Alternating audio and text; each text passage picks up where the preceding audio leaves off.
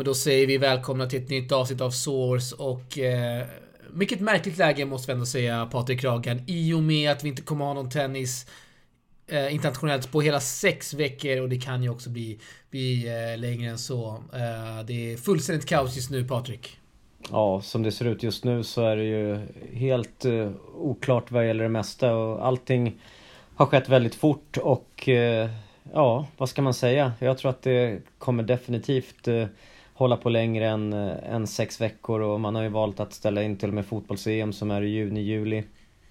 Och ja, tennisen sex veckor, sen är det Madrid och Rom och det är ju som det ser ut just nu inga ställen som, som kommer hålla öppet heller. Så det har blivit Nej. väldigt, väldigt konstigt läge. Eh, vi snackade lite inför här innan vi tryckte på rekord att eh, det är ett märkligt läge för oss, eh, för oss att köra en podd i och med att vi inte kommer ha några tennistävlingar framöver. Men det är kanske också bra att vi bryter någon sorts eh, radiotystnad här Patrik när, när eh, ja, vi inte kommer se någon tennis här framöver. Eller vad säger du?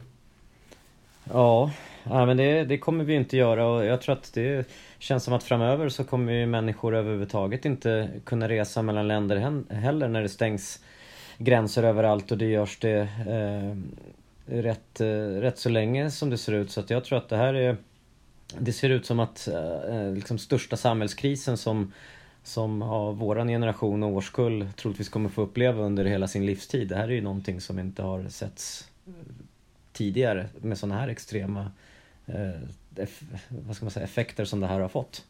Så är det verkligen och eh, det var ju flera tävlingar eh, förra veckan som avbröts där abrupt. Många svenskar som var ute i, mm. olika länder. Eh, vissa var inne, Bergvik till exempel, de var ju vidare och skulle spela semi i dubbel och samma med Klara Milisevic där i en J, J2. Och så vidare och så vidare. Och så får man åka hem eh, dagen efter, samma med Ekelin. Kabayavad och med flera.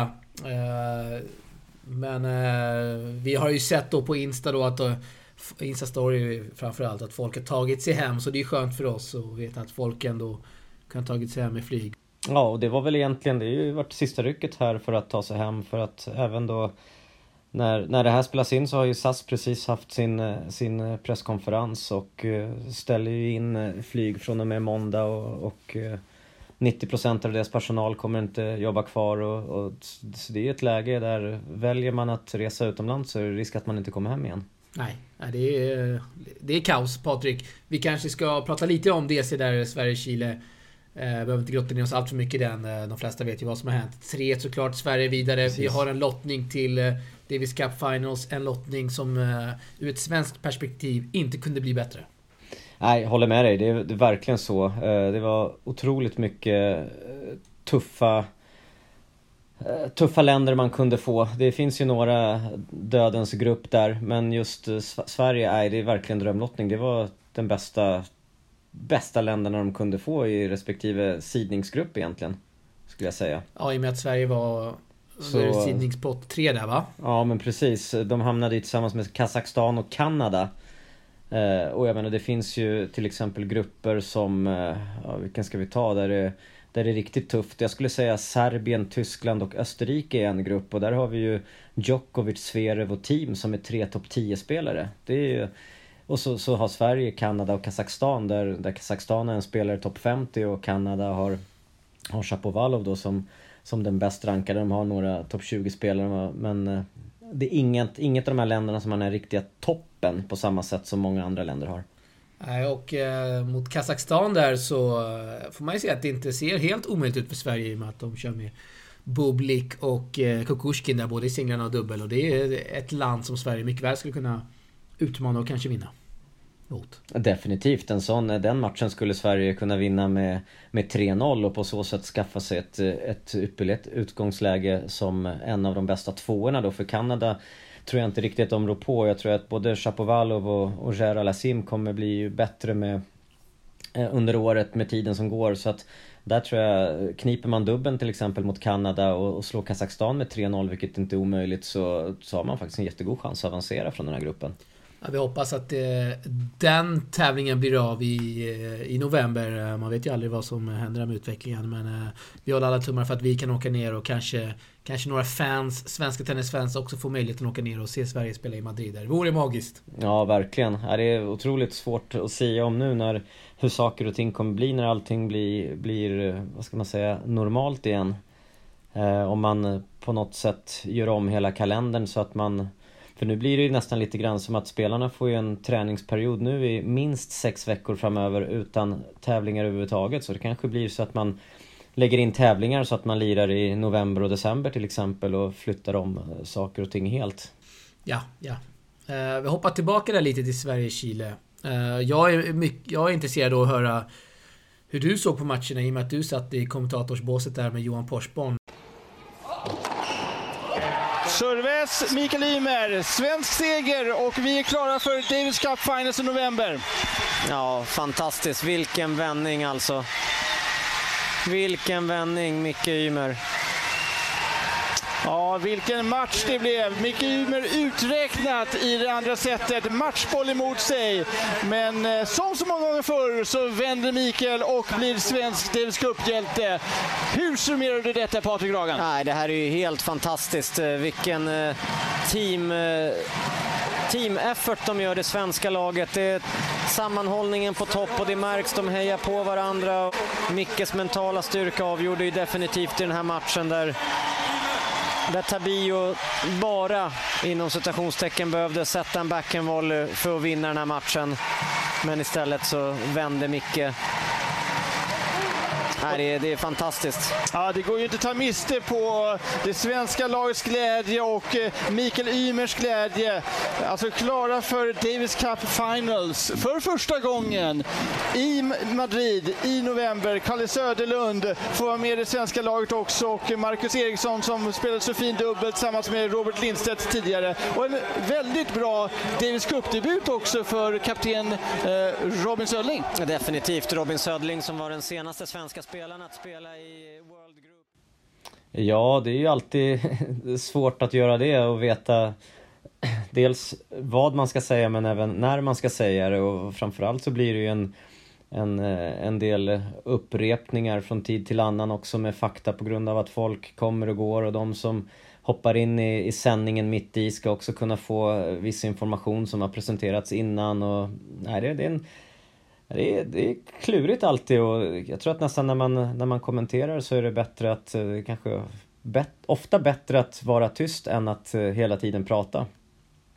Men, eh, men det var kul, Johan är ju otroligt, otroligt kunnig så det var bra, bra dynamik där mellan oss tycker jag och det var faktiskt en såklart en kul match att kommentera med tanke på hur, hur resultatet blev och, och hur de spelade. Men jag är väldigt imponerad av Alejandro Tabio. Alltså han, kommer kunna avancera rejält om han fortsätter att spela sådär bra och det här var på ett underlag som han inte brukar vara van att spela ja, Otroligt, otroligt eh, bra hela veckan där. Tabio såg ju extremt bra ut på träningar också. Uh, det gjorde också Nicolas Massou som eh, du intervjuade där. Fick till en riktigt skön intervju med den chilenska Davis Cup-tränaren. Kan man se här på YouTube efterhand. Ja men verkligen. Han är otroligt ödmjuk och, och schysst. Och det var ju precis tvärtom upplevde man honom på touren när han var aktiv. Så var ju han lite grann av eh, rätt dryg och inte speciellt trevlig och nu är det helt tvärtom. Var väldigt, eh, väldigt öppen och, och eh, lättsam eh, tycker jag och rolig att prata med. och har gjort ett jättebra jobb också där och tagit upp Dominic Team till en tredje plats i världen.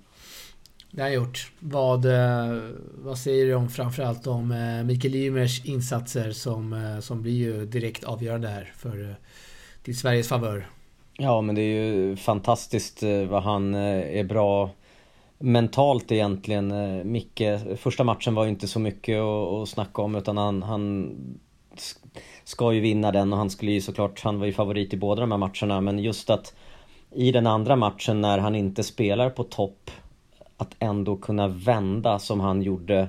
Hade en matchboll emot sig. Det var en, en hyfsat eh, enklare variant av backhandvolley som Tabio skulle sätta, missade den och sen så tog Micke sig samman och, och vände matchen och gjorde det på ett ja, bragdartat sätt. Alltså det, det går ju verkligen till, till, eh, till historien i svensk Davis Cup-historia på en av de absolut eh, häftigaste vändningarna i en specifik match. Så är det verkligen. Eh, gratulerar Sverige där till, till Davis Cup Finals. Jag tycker det var, tycker det var fint av, av Micke att nämna Johan Hetsberg där som ändå har lagt grunden för det här i och med att han... Hans facit 7-1 i matcher. Eh, lätt att glömma bort. Kanske nu när Södling eh, har tagit över och, och eh, coachade dem då. Den eh, absolut avgörande matchen till Davis Cup Finals. Men det är ju glädjande att höra och se att Mikael Ymer nämner där Johan Hetsberg som, eh, som har gjort ett otroligt, otroligt bra jobb med Sverige.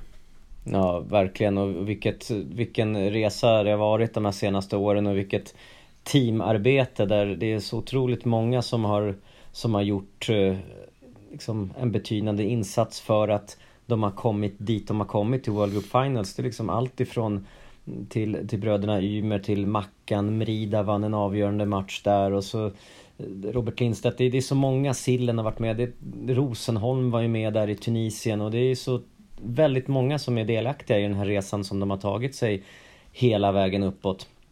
Och eh, nu äntligen få eh, nå det här finrummet i, i Davis Cup där de nu under de här perioderna när man inte kan tävla kan de lägga in en träningsperiod och verkligen har, ska man säga, en sån morot nu att lägga ner ett, ett bra eh, jobb inför den eventuella säsongen när den nu väl kommer igång. Ja, så att det här är superroligt och det är jätteviktigt såklart för, för svensk tennis och, och förhoppningsvis så blir det mer intresse kring sporten också. Det får vi, får vi hoppas på. Vi kan väl säga att uh, chilenarna var fler på den... Ja, kanske inte i publiken. Jag vill mena på att de hördes mer än svenskarna, men eh, nu snackar jag... Jag tänker då på journalisterna. Där var ju chilenarna fler än oss svenskar.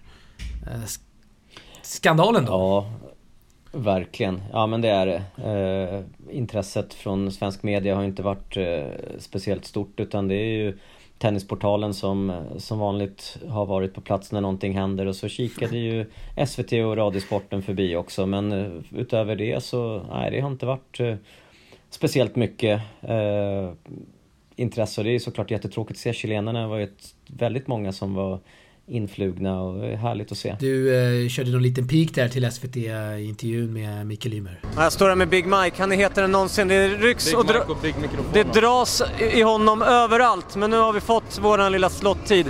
Alltså när SVT är här, då betyder det att du har gjort något jävligt stort. Är det så? Ja, så är det. De, de har inte haft det här med tennis på många år.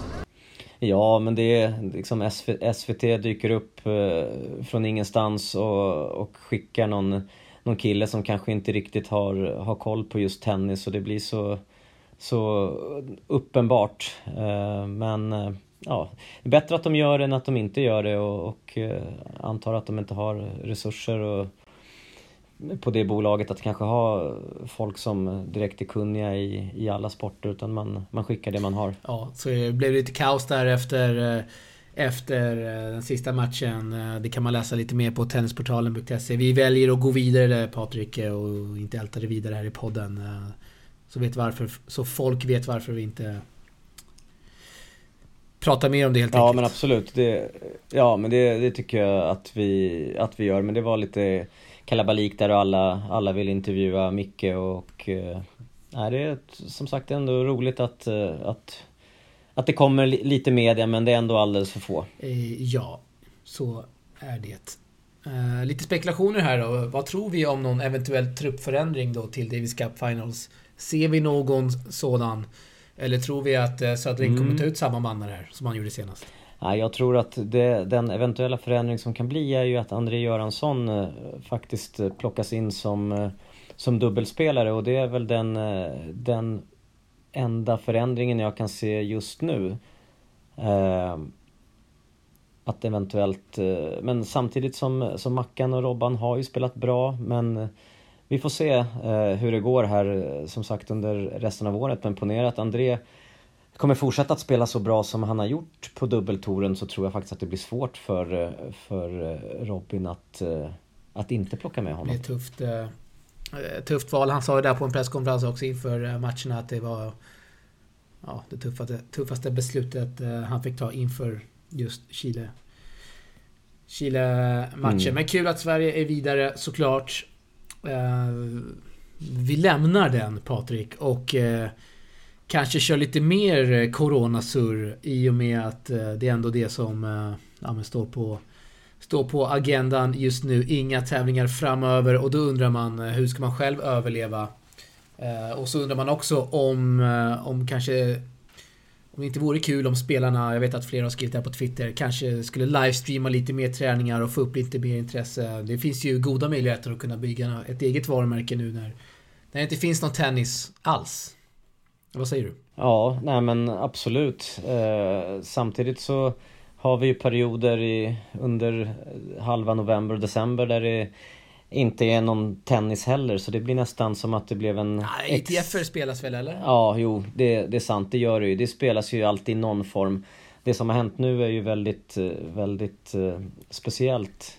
Inte bara vad gäller tennis utan det gäller all sport och all, allt resande och allt det vi har vana, blivit vana vid har ju plötsligt blivit helt tvärtom och det är liksom man går till mataffären och det är tomma hyllor för att folk bunkrar mat och det är nästan som att man eh, tror att det, det, det, är som ett liksom, kris slash krig eh, nu i allting som har hänt. Det är folk, eh, ja, le, lever plötsligt på ett helt annat sätt och måste måste ja, förändra sina liv tills, tills man vet eh, något nytt här. Det är en otroligt speciell situation som ingen varken har varit med om tidigare eller räknat med skulle hända. Så det har kommit över oss väldigt plötsligt. Hur är läget i din eh, lokala tennisklubb? Eh, har de kört lockdown där eller fortsätter man spela?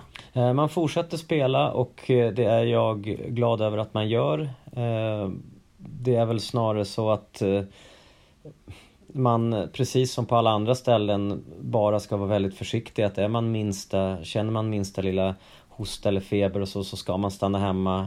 Annars så kör man på som vanligt och eh, som tur är så är tennisen en sport ändå där man inte behöver stå så nära varandra utan eh, man står på varsin sida av nätet eller är man en grupp som spelar så, så behöver man inte så att säga komma i kontakt med varandra utan man kan hålla ett visst avstånd och sådär. Så jag tycker ändå tennisen är en, en bra sport som, eh, som man eh, borde kunna fortsätta att, att träna och spela utan att man stänger igen tennishallar som jag vet att, att några har gjort faktiskt.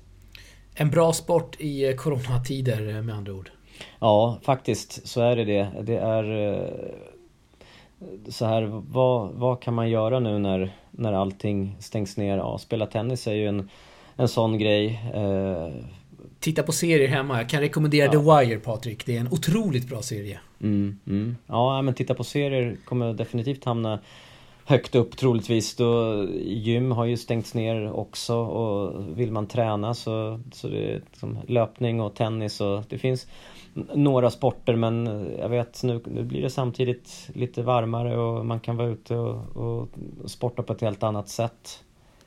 Eh, än tidigare. Jag tänker fotboll och, och, liknande. Jag vet inte vad man sagt om, om allsvenska premiären som man ska spela inför tomma läktare eller hur om det stopp där, men jag vet ju att eh, elitserien i hockey, de har ju bestämt att, eh, att lägga hela säsongen är avslutad nu. Det kommer inte spelas någon kvalserie. Oj, det är så illa alltså? Ja, ingen kvalserie, ingen mer elitserie, inget slutspel. Så hockeyn har lagt ner. Skidor har lagt ner också, alpint. Så det är mycket, mycket märklig situation allting. Ja, det är det sannerligen. Uh eh, blir deppigt här i podden, men vi kan väl snacka lite om, eh, om eh, ja, de resultat som har varit i veckan. Det är inget som har spelat klart, men uh, några har ändå varit ute och grindat. Vi har, vi har ju också ett läge där faktiskt två svenskar inte vet just nu om de får en ATP-pinne eller inte. Det är Irkan Enmunga och Gustav Ström som båda tog ATP-pinnar i Heraklion respektive i Antalya va? Och mm. vi har pratat med båda och de vet inte vad som, eh, vad som gäller där. Det som vore det mest rätta det vore om de skulle kunna få sina poäng. För jag vet att det har, eh, det har varit tävlingar många år tidigare som har liksom avslutats på grund av regn och så vidare. Och då har spelarna fått sina pinnar. Så det är väl det som är mest rätt, rättvist kan jag tycka. Ja, men det håller jag helt med om. Att, att det man har spelat in ska man definitivt eh, definitivt få trots den här väldigt speciella situationen då när man avbröt tävlingarna. Men det som har hänt fram tills att man avbröt tävlingen borde ju vara såklart det som, eh, det som gäller. Så är det, så är det. Vad har vi fler för eh, resultat eh, under veckan om vi klickar in här på på resultaten. Det är mycket rött tyvärr. Ja precis, sen får man tänka på att det är väldigt speciell vecka. Att det kan vara mycket rött på grund av eh, eventuella förluster för att snabbt kunna ta sig hem. Eh, diverse oro kring, kring Corona och liknande så att man ska nog eh, ta just senaste veckans resultat kanske med, med en nypa salt och i Kazakstan så hände det ju det märkliga egentligen att, att man från tävlingens håll eh, valde att skicka hem folk från eh, som tillhörde diverse länder. Jag tror att det var fransmän, ja, tyskar och belgare sjukt. fick inte ställa upp i tävlingen. Det är ex extremt sjukt. Så där, ja, det är extremt och där var det liksom att antingen så åker ni hem nu eller så sätts ni i 14 dagars eh, karantän här i Kazakstan. Det är minus 13 grader som det var där i, i Nord-Sultan så att det är, de valde ju såklart att åka hem och eh, jag, såg den här lottningen och såg en massa VOs och tänkte vad fan är det som händer här? Och då stod det non-medical och då fattade jag att det har med, med Corona att göra men det man inte insåg då var att ja, men de har ju blivit tillsagda att, att de får inte vara med i tävlingen. För att de kommer från de här länderna. Jag antar att du såg Elias Ymers TikTok också från Kazakstan? Eh, ja, det har jag den från hotellrummet eller? Ja, ja. Nej, den såg jag. Alltså den här coronaskiten. Herregud! Stressa sönder mig! Jag är i Kazakstan. Av alla länder. Alltså jag tror inte ens ni vet på kartan vart Kazakstan ligger.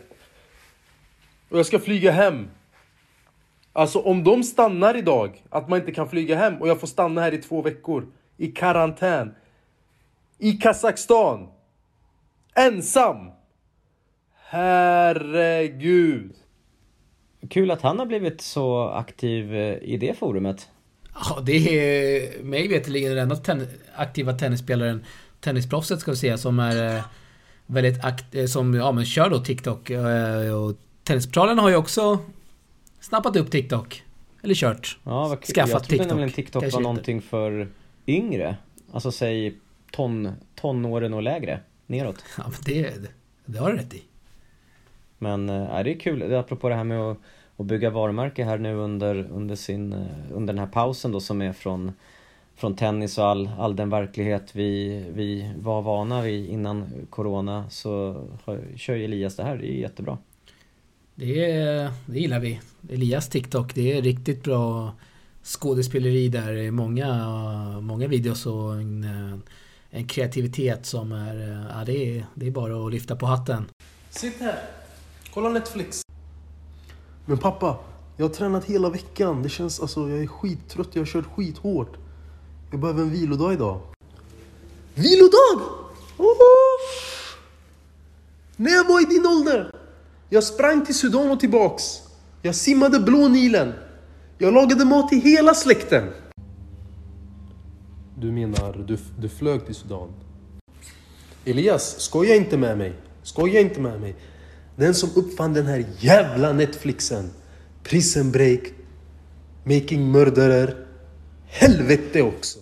Något som också är stort Patrik, det är att Nick Kyrgios delade våran TikTok-video. Jag spred ju den, eller jag la ut den då i vår Insta-story, taggade Kyrgios. Och Kyrgios delade den vidare. Det är stort. Ja, vad, vad kul. Ja, det är stort. Jag tycktes se ett mönster som jag hade sett förut Jag tog logiken till ett fönster och jag kastade rätt ut jag kunde höra när det brast och gick i tur. Jag kunde säkert reparera det men krafterna var slut. Du börjar tröttna på mitt märkliga beteende. Det är inget märkligt men det märktes på ditt leende. Jag kunde förutspå beslutet och din kalla blick. Så hårt på slutet att jag tog mitt pick och... Det är ett så otroligt konstigt läge för att allting har kommit så fort. Så att det, det blir en sån paus i allting nu. Så, så det blir liksom Det blir på något sätt som som före och efter Kristus fast före och efter Corona. Det som blir intressant nu tycker jag under de här veckorna det är så här Vilka spelare kommer att komma ur starka ur det här uppehållet kontra vilka som kommer klappa ihop helt. För jag tror att det kommer kunna bli en, en, en förändring när vi sen kommer igång, vilket kan vara om 6, 8, 10, 12 veckor. Det vet vi inte. Det kan kan vara att vi inte kommer igång alls under 2020. Just nu så är det allting väldigt ovisst. Och då blir det så här, vilka, vilka kommer att eh, kommer att stärka det här? För det är faktiskt risk att, att det kommer att ändras om lite i, i, i det. Eller vad tror du? Vi vet ju inte heller vad som gäller med, med poängen va? De har inte kommit ut med något officiellt Nej beslut precis, där har vi en annan aspekt ja, med att eh, hur blir det med rankingpoängen? Fryser man allting nu bara? Eller kommer rankingpoängen försvinna nu för varje vecka som går för de Eh, ja, från förra året då, som rankingen baseras ett år ett år bakåt så kommer det när vi drar igång igen, när vi nu gör det, vara en ranking som ser ja, helt annorlunda ut än vad den borde gjort. Ja, det, är, det är mörka tider helt enkelt. Eh, Patrik, vi skickar våra tankar till eh, ja, men alla som har drabbats av det här och tennisspelarna såklart som inte kan utföra sina jobb nu helt enkelt. Ja, och det är tennisspelarna och alla egentligen i, i alla branscher kommer på no, något sätt påverkas av Ja. det här och det har vi sett redan nu. Hela event och rese och hotellindustrin, det är ju såklart, allt dör ju direkt. Så är det. Så är det. Eh, blev ett litet märkligt avsnitt det här men jag känner ändå att det är viktigt och Även fast det är mörka tider att vi ändå eh, tar fram micken och trycker på rekord och snackar lite Patrik. Det, är- det är också viktigt. Ja men absolut, det, ja det, det är det. Tänka tillbaks på lite goda tider då i sådana här kristider. Just det roligaste som var just att Sverige lyckades ta sig till, till World Group. Det, det sista som hände egentligen innan, innan allt då släcktes ner för Ja, stunden. det var eh, mycket, mycket, mycket rolig helg. Speciell på många sätt och vis. Tyckte förbundet, man ska hylla dem också här, att de, gör, de gjorde väldigt många saker också i och med den här landskampen. De anordnade en minitennistävling där under lördagen när man bjöd in ja, klubbar ja, i hela Sverige mer eller mindre. Eh, många, många elever från olika klubbar då som deltog i en minitennistävling och det var många, klubbar, många tennisklubbar också som hade skickat ner bussar. Jag vet att Taberg, Tabergsdalen hade skickat ner en buss och det var Bankeryd Mm. och det var... Det var en tennisfest och det var bra publik ändå. Mycket mer än tidigare. Ja, definitivt. Ja, absolut. Det var riktigt, riktigt bra atmosfär faktiskt. Håller med. Jättekul. Eh, vi kanske ska köra en veckans mest obskyra. Då är det då Timur Shabibulin. Vet du vad han har gjort Patrik? Nej. Det är Simon Freunds motståndare då i eh, Nur Sultan Challenger. Simon vann då i sin Challenger-debut. Mm. 3-6, 7-6, 6-3 och eh, den här spelaren då från Kazakstan är då misstänkt för matchfixing. I och Mhm. med att eh, Simon Freund då startade hade, så, hade då 1.40 i startodds. Det här oddset föll då under matchens gång. Trots att han förlorade första set. Eh, och då kan man ju tänka sig att oddset då ska öka såklart. Kanske ligga någonstans runt 2 eller 2,50 eller 3 gånger pengarna. Men Trots att då Freund torskade första set så låg han då på 1.24 i odds. Och det var någon som hade spelat eh, 12 000 euro på att han skulle vinna. Mm. Eh, till 1.24 då under, under andra set. Eh, så den här matchen stinker ju och jag frågade Simon då vad hans tankar var om, om matchen och han sa att han inte hade märkt något och jag kan, kan väl tänka mig då att man, man är så inne i matchen och man kanske har svårt att, att notera vissa grejer när man, är, när man väl är så inne i det. Men det är veckans mest obskyra då, Nor Sultan där, en misstänkt matchfixing. Mm. Ja, nej, det var Så. tråkigt att höra såklart. Det avslutade vi med en tråkig nyhet ändå i dessa eh, dystra tider. Det har bara varit tråkiga grejer här i podden. Ja. förutom Sverige då. Ja, nej, det här är, det är en väldigt speciell, eh, speciell, eh, speciellt poddavsnitt med tanke på i det läget vi är i nu. Dock ska vi avsluta med något, eh, något eh, fint och fantastiskt. Det är då sista minuterna från när Sverige kvalificerar sig för Davis Cup Finals. Det är du Ragan och det är Porsborn som kommenterar. Och så klipper vi in lite skön sån här Titanic-musik så får vi lite skön feeling. Ja, men det är bra. Det blir en bra avslutning tycker jag. Eh, ja. Shoot! Yes. Vi, vi säger så. Ja, Och eh, ja, så, eh, så önskar vi då våra lyssnare och alla tennisspelare där ute och alla som följer oss att eh, vara starka i dessa tider och eh, tvätta händerna med tvål. tvätta händerna. Någon mer hälsning Patrik? Nej, jag tycker att, eh, att vi kan hälsa som sagt att man får ta hand om sig själv extra mycket och värna om, om sig själv och andra och vara, vara försiktig och som sagt tvätta händerna och vi hoppas att det här går över väldigt fort och spela mycket tennis nu medan det kanske finns mer tillgång på banor och man har mer tid om inte annat. Precis så. Så hörs vi vidare framöver helt enkelt. Det gör vi. Hej. Serves, Mikael Ymer, svensk seger och vi är klara för Davis Cup Finals i november. Ja, fantastiskt. Vilken vändning alltså. Vilken vändning, Micke Ymer. Ja, vilken match det blev. Micke Ymer uträknat i det andra setet. Matchboll emot sig. Men eh, som så många gånger förr så vänder Mikael och blir svensk Davis Cup-hjälte. Hur summerar du detta Patrik Ragan? Nej, det här är ju helt fantastiskt. Eh, vilken eh, team, team effort de gör, det svenska laget. Det är sammanhållningen på topp och det märks. De hejar på varandra. Mickes mentala styrka avgjorde ju definitivt i den här matchen där där Tabio bara inom citationstecken behövde sätta en backhandvolley för att vinna den här matchen. Men istället så vände Micke. Nej, det, är, det är fantastiskt. Ja, det går ju inte att ta miste på det svenska lagets glädje och eh, Mikael Ymers glädje. Alltså klara för Davis Cup Finals för första gången i Madrid i november. Kalle Söderlund får vara med i det svenska laget också och Marcus Eriksson som spelat så fin dubbel tillsammans med Robert Lindstedt tidigare. Och en väldigt bra Davis Cup-debut också för kapten eh, Robin Söderling. Definitivt Robin Söderling som var den senaste svenska spelaren att spela i World Group i Davis Cup när det var utformat på ett annat sätt. Nu blir han en cirkeln lite sluten. Han blir, blir det som coach också här. Så det är helt fantastiskt och jag tycker även det är kul för Robban Lindstedt och, och uh, Mackan här som uh, Robban som uh, inte riktigt vet om han ska sluta eller fortsätta med tennis. Det här är definitivt få honom att jobba hårt för att vara riktigt bra i november.